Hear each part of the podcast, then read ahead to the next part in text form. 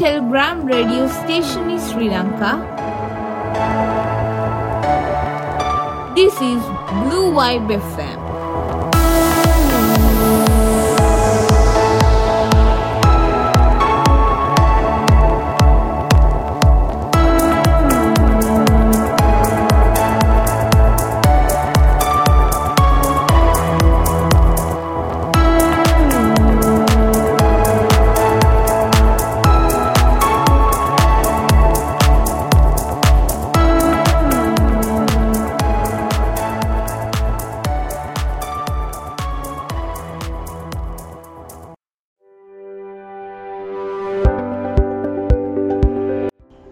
සුබ සන්ධ්‍යාවක් ඔබ සියලු දෙනාට.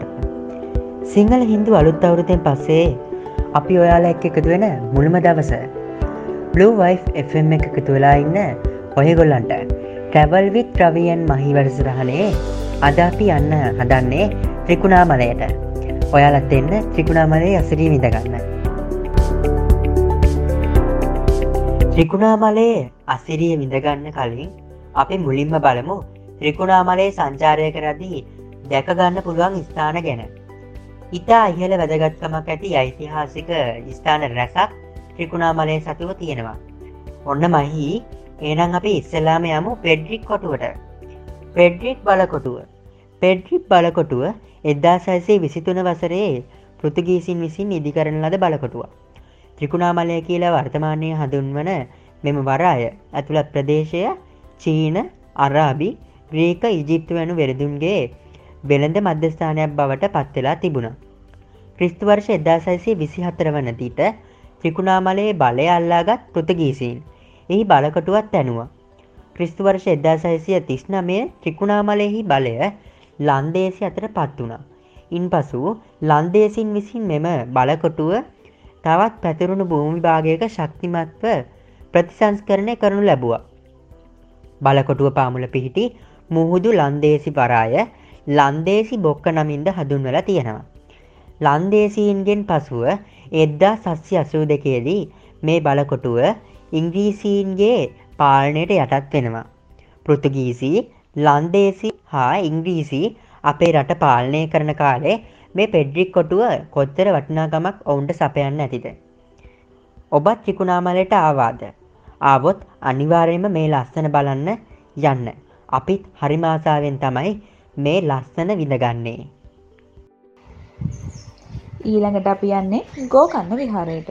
අපි ගෝකන්න විහාරයට ගිහිල්ල නෑ හැබැයි අපි මුලින් මේක විස්තර ගැන කතා කරමුකෝ.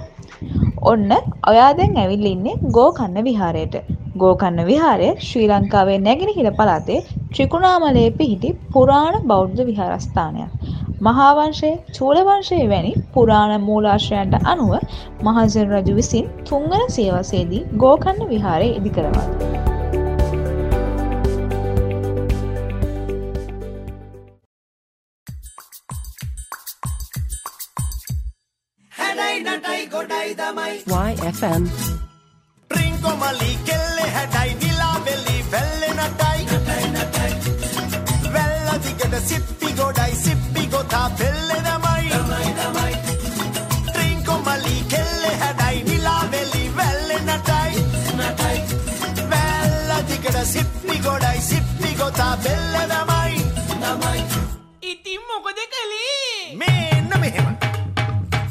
ඕනෙශ්වරම් වැඳගත්තා ඇයවම ඉල්ලා බාර වුණා.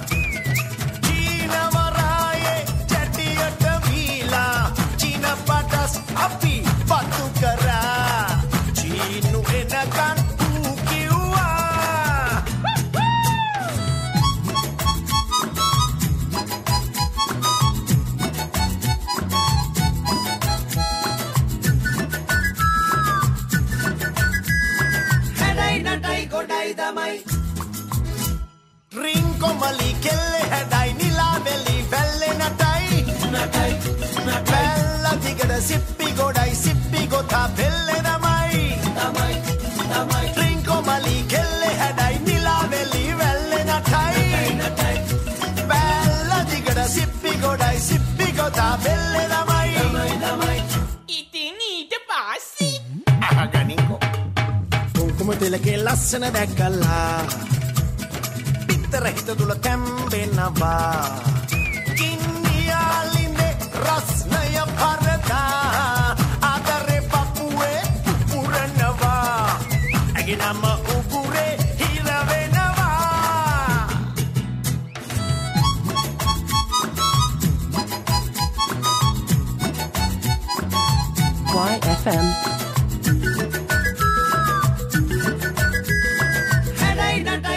නටයි ගොඩයි දමයි ත්‍රිංකොමලි කෙල්ලෙ හැඩයි නිලා වෙලි වැල්ල නටයි වැල්ල දිගට සිප්පි ගොඩයි සිප්පි ගොතා පෙල්ලෙනමයි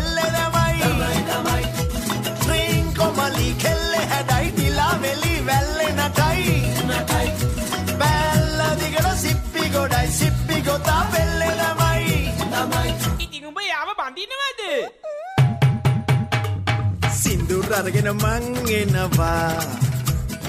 ඉදින්න දෙවගන රට වටින. වඩින්න කොල්ලඹට හිත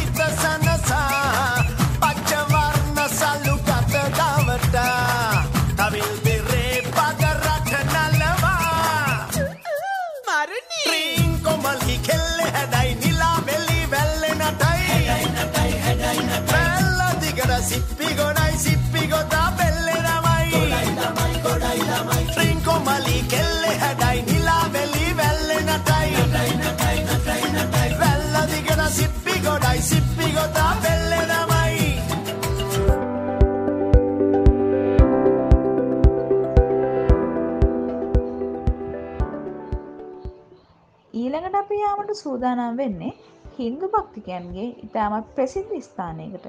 ඒ තමයි ශ්‍රිකුණාමලයේ කෝනේශ්වරම් කෝවිල.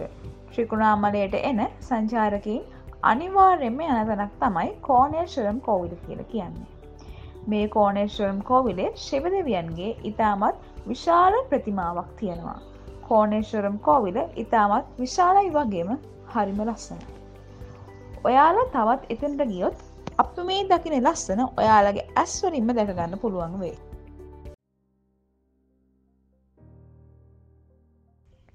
මීළඟට අපි යන්නේ ත්‍රිකුණාමලයේ සමුද්‍ර හා නාවික ඉතිහාස කෞතුකාගාරය ගැන කතා කරන්න. ශ්‍රී ලංකාවේ සමුද්‍ර හා නාවික ඉතිහාස කෞතුකාගාරය ත්‍රිකුණාමලයේ දිශ්‍රික්කය ස්ථාපනය කොට තියෙනවා. එය දාසය වන ශතවර්ෂයෙහි ලන්දේසී මෙරටට පළමුුව ගොඩබෑ ස්ථානයසේ සැලකෙන ත්‍රිකුණාමලය බලකොටුවට ආසන්නව ඉදිකොට තියෙනවා. ශ්‍රී ලංකාවේ හැටපස් වන නිදහස් සැමරුම් උලලට සමගාමීව දෙදස් දහතුන වර්ෂයේ පෙබරවාරි තුන්වන දින මෙම කෞතුකාගාරය එවක ජනපති මහින්ද රාජපක්ෂ මහතා විසින් වියුත්ත කරලා තියෙනවා. රටෙහි සමුද්‍රී ඉතිහාසය ජෛව විවිධත්වය හා නාවක සම්බන්ධතා පිළිබඳවත් වෙනත් නාවික ශේෂ්ත්‍ර පිල් හා සබදි වස්තුූනාදයක් මෙම කෞතුකාගාරය ප්‍රදර්ශනයට තබා තියෙනවා.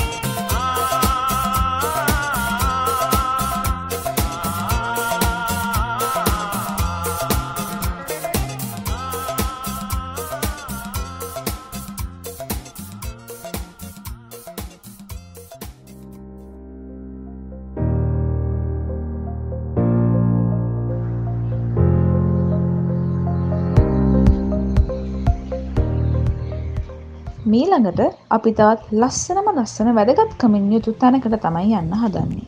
ඒ තමයි කෝනේශ්වරම් කෝවිල අසලම තිබෙන ප්‍රදේශයක්. ඒ ප්‍රදේශය හඳුන්වන්නේ රාවනා කැපුම කියලා. පූජාවකින් අනතුරුව දෙවියන් විද්‍යාමාන නොවීම හේතුවෙන් රාවණා රජු කඳුමුදුනේ දේවාලය ඉවත් කිරීම සඳහා කෝණේශ්වර කන්ද සොලවා ඇති බවත් එම කන්ද මදක් හෝ නොසෙල්වීම හේතුවෙන් කෝප වූ රජු අත ඇති කඩුවෙන් කැපුමක් සිදුකොට ඇති බවත් ජනප්‍රවාදය සඳහන්. එම ස්ථානය රාවණා කැපුම ලෙස හඳුන්වනවා. දැන් අප මේ යන්නේ ත්‍රිකුණාමල නාවික කෞතුකාගාරයට. ත්‍රිකුණාමල නාවික කෞතුකාගාරය කුට්ස්ටව කෞතුකාගාරය ලෙසින්ද හඳුන්වනවා. ත්‍රිකුණාමලයේ නාවික කෞතුකාගාරය යනු ත්‍රිකුණාමලයේ පිහිටි ශ්‍රී ලංකා නාවික හමුදාවට අයත් නාවික කෞතුකාගාරයක්. ත්‍රිකුණාමලය අලිදත් විවේගී ශ්‍රී ලංකා තටාකාංගනය අභ්‍යන්තරෙහි ත්‍රිකුණාමල ඇතුළතු වරාය පිවිසුම අභියස උස් කඳු වැටියක ඔස්ටබර්න්හි මෙය පිහිල්ලා තියෙනවා. හුට්ස්ටව යනු කෞතුකාගාර භූමියේ පිහිටි නිරීක්ෂණ කුළුණක් වන අතර නැගෙනහිර ඉන්දිය සේවා ස්ථානයෙහි හිටපු අනදර නිලධාරියෙකු සිටි වයිස් අද්මිල්ලාඩ් ශීමත් සැව්වෙල් පුත්සිහිවීම පිණිස එම ගොඩනැගිල්ලට එම නම ලබාදීල තියෙනවා.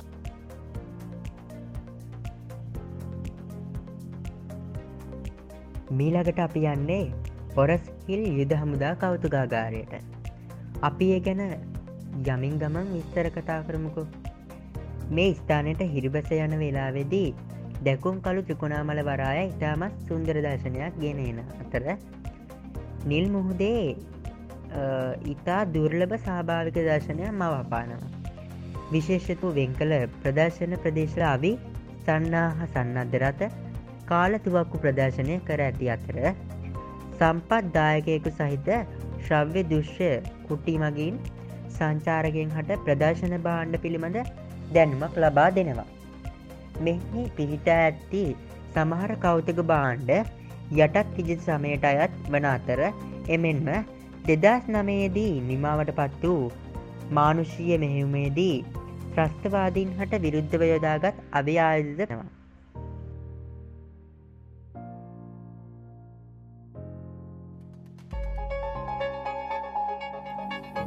අභ්‍යායදනවා.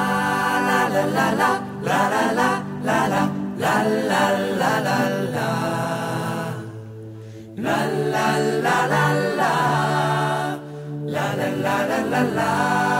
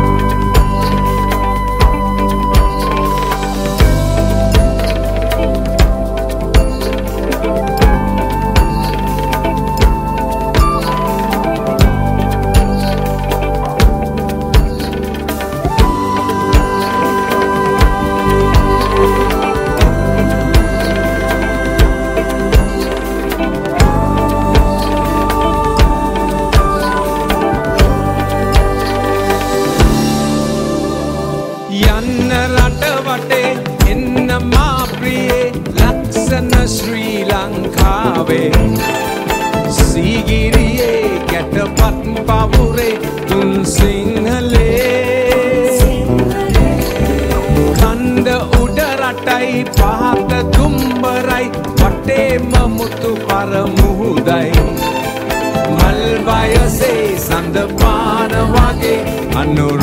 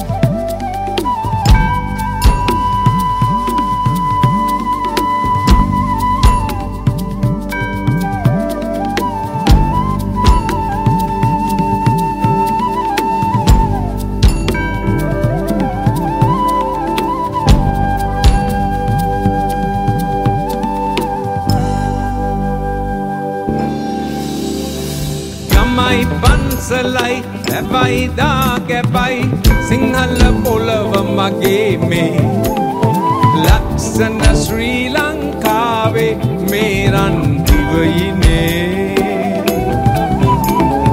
දේව මන්දිරේ කතිර කෝවිලේ ගන්ටා නද පැතිරෙන්නේ. ලක්ෂණ ශ්‍රී ලංකාවේ මේරන් දිවයිනේ.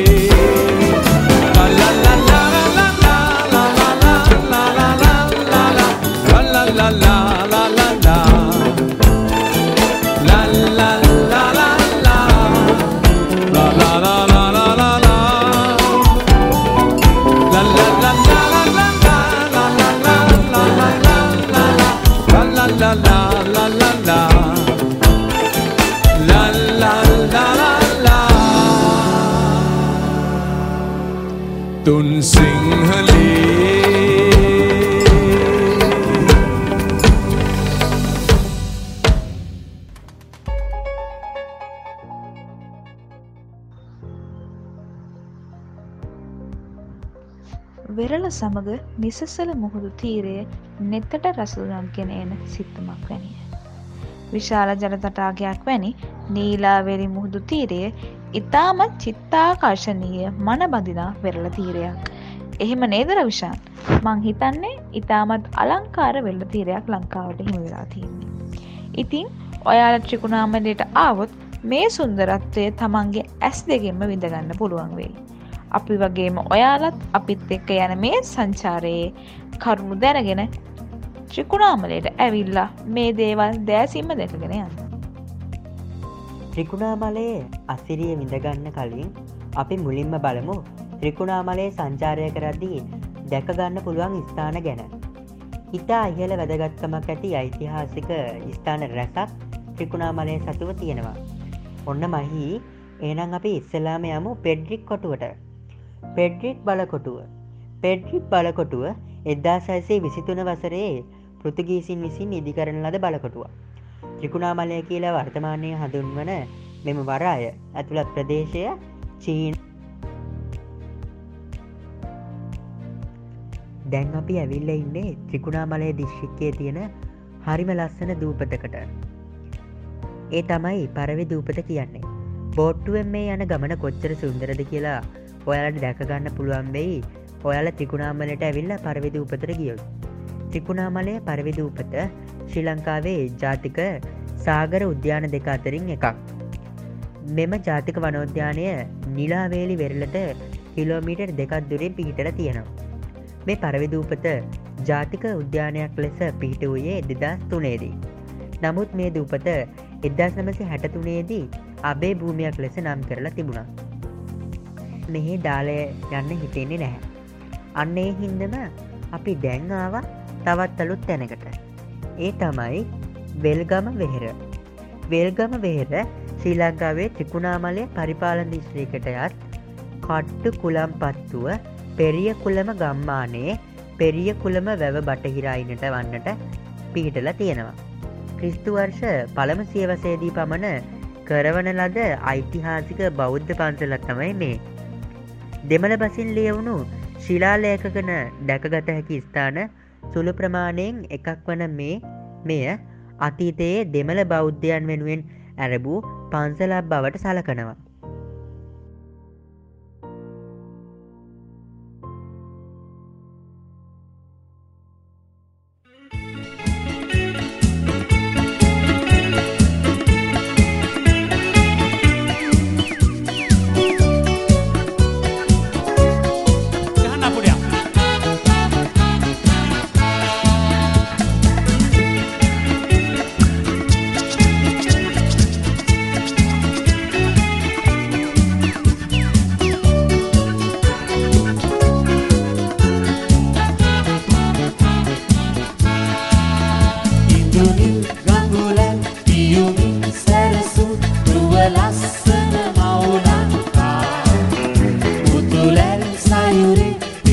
on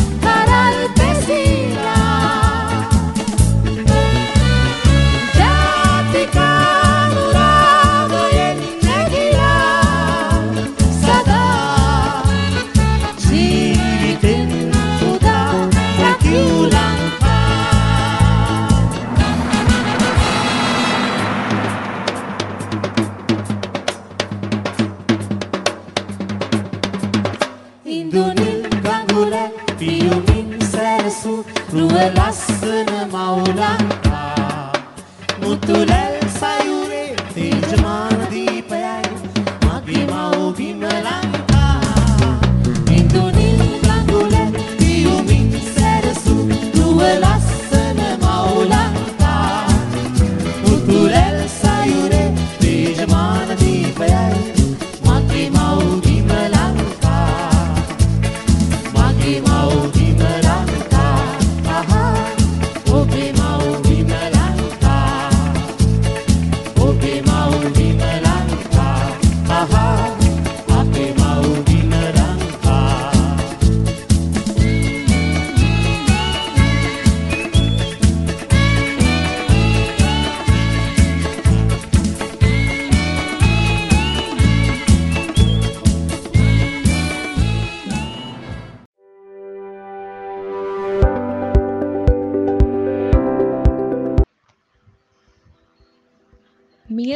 මීළඟට අපි යන්න හදන්නේ බෞද්ධයෙක් විදියට ඉතාමත් වැදගත් ස්ථානයකට. ඒ තමයි සේරුවාවිල මංගල රාජමහා විහරස්ථානයට. සම්බුදුරජාණන් වහන්සේගේ පාදශ්පර්ශයෙන් අති පූජනීයත්වයට පත් වූ ශ්‍රී ලංකාවේ බෞද්ධ සිද්ධස්ථාන අතර ඓතිහාසික සේරුවාවිල මංගල රජ මහා විහරස්ථානයට සුවිශේෂී ස්ථානයක් හිමවෙලා තියෙනවා. මහා සෑයේ සම්බුදුරජාණන් වහන්සේගේ ලලාට ධාතුන් වහන්සේ තැන්පත් කර තිබීමත් තපස්සු බල්ලුක වෙළඳ දෙබෑයන්ට බුදුරජාණන් වහන්සේ ජීවමාන කාලයේ ලබාදුන් කේෂධාතුන්ගෙන් කොටසක්ද මෙහි තැන්පත් කර ඇති බව ධාතු වංශය සඳහන් වෙනවා. නැගෙනහිර පලාතේ ත්‍රිකුණාමල දිස්ත්‍රික්කයේ පිහිටා ඇති මෙම ඓතිහාසික විහාරස්ථානය වන්දනා කිරීම සඳහා මුහුදු හරහා මෙන්ම ගොඩබිම් මතින්ද ගමන් කළ හැකි මාර්ග දෙකක් තියෙනවා. ඔන්න දැන් අපි යන්න හදන්නේ බෞද්ධයන් විදිහට තවත් අපිට වැදගත් වෙන ස්ථානයකට. මේ ස්ථානය ගොඩක් ප්‍රසිද්ධ නැති වුණත් ඉතා විශාල වටනාකමක් ඇති ස්ථානයක්. ත්‍රිකුණාමලය පුල්මුඩේ පාරේ විසිහත හා විසියට සතකුම් කණු දෙක අතරින් හැරි සැතපුමක් පමණ දුගිය විට හමුවන තිරියාය නැමැති ගමට බටහිරි මෙම පුරාවිද්‍යා ස්ථානය පිහිටල තියෙනවා. කඳු ගැටයේ මුදුනේ පිහිට ඇති දාගබ තිරියායේ කිරි වෙහෙර නමින් හත් ප්‍රකට වෙලා තියෙනවා. මේ විවිධ යුගයන්ට අයත් විහාරාරාම හා පිළිම ගෙවල් රැසත් දැකිය හැකි වෙනවා. මෙම කඳු ගැටේ නැගීම් පිණිස දකුණු පැත්තෙන් පඩි පෙළත් තිබෙනවා. කන්දේ මුදුන සමදලා කර තිබෙන අතර කන්දු මුදුනේ සමදලා කිරීමෙන් පසු මෙම කුඩා දාගම නිර්මාණය කරලා තියෙනවා. පසුව එම දාගබ විශාල කර ඇති බව දක්නට ලැබෙන අතර දාගබ වටකර ක්‍රිස්තු වර්ෂ අටවන සියවසේදී පමණ වටදායගයක් සාදල තියෙනවා. අවසානයට අපි යන්නේ ත්‍රිකුණාමලය ස්වභාවික වරායට. මේ වරාය කියන්නේ ඉතිහාසයේ පටන්ම ලංකාව ලෝකයේ ප්‍රසිද්ධ රටක් බවට පත් කරන්නට හේතු වූ වරායක්. පෘතුගීසි ලන්දේසි සහ ඉංග්‍රීසි මේවාගේ හැම කෙනෙක්ම ත්‍රිකුණාමලය වරාය පිළිබඳවත් ත්‍රිකුණාමල වරායේ තිබෙන වැදගත්කම පිළිබඳවත් මනාසේත් දැනගෙන තමයි ලංකාවට ආවේ. ත්‍රිකුණාමලයේ භූමියයේ වැදගත්කම ඉහළ නංවන ප්‍රධානතම කරුණ වන්නේ එහි ඇති වරායයි. කිලෝමීට පනස් හයක් පුරාවට පැතිරුණු වෙරල තීරයක් සහිත ත්‍රිකුණාමල වරාය ලොව හොඳම සහ විශාලතම ස්වභාවික වරායන් අතරින් එකක් ලෙස සැලකෙනවා. ඕ ඔයාලටත් මහන්සි ඇතිනේ අපිත් එක ගොඩක්දුර ඇවිදලා ඔයාලටත් මම ආරාධනා කරනවා එන්න මේ දේවල් දැක්ගන්න කියලා.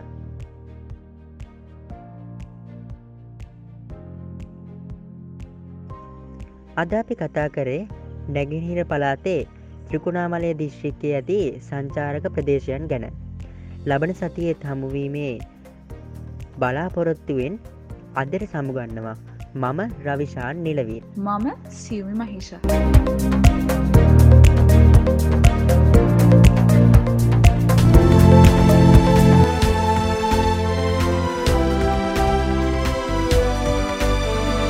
අඳුරු වලාපට අතරින් හිනැහි නැකිටිමු ශ්‍රී ලංකා. දියසක සංකා බාධක අතරින් නැගිටිමු ශ්‍රී ලංකා.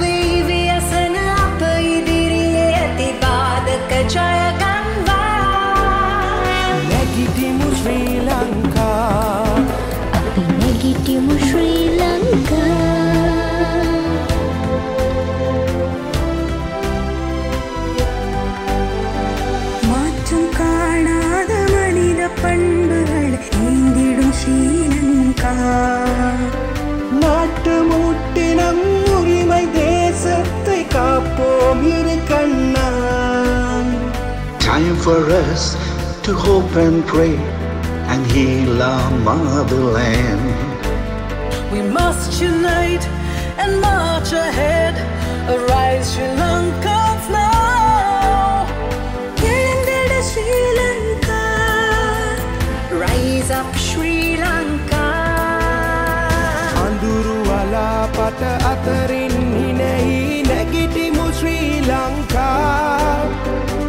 පියසැක සංකා බාධක අතරින් නැගිටිමු ශ්‍රී Lanka.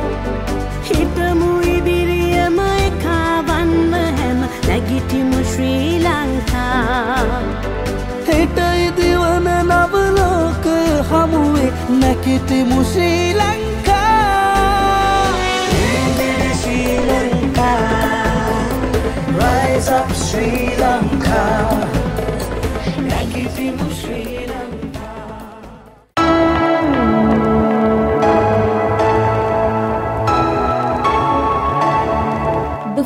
Telegram radio station in Sri Lanka.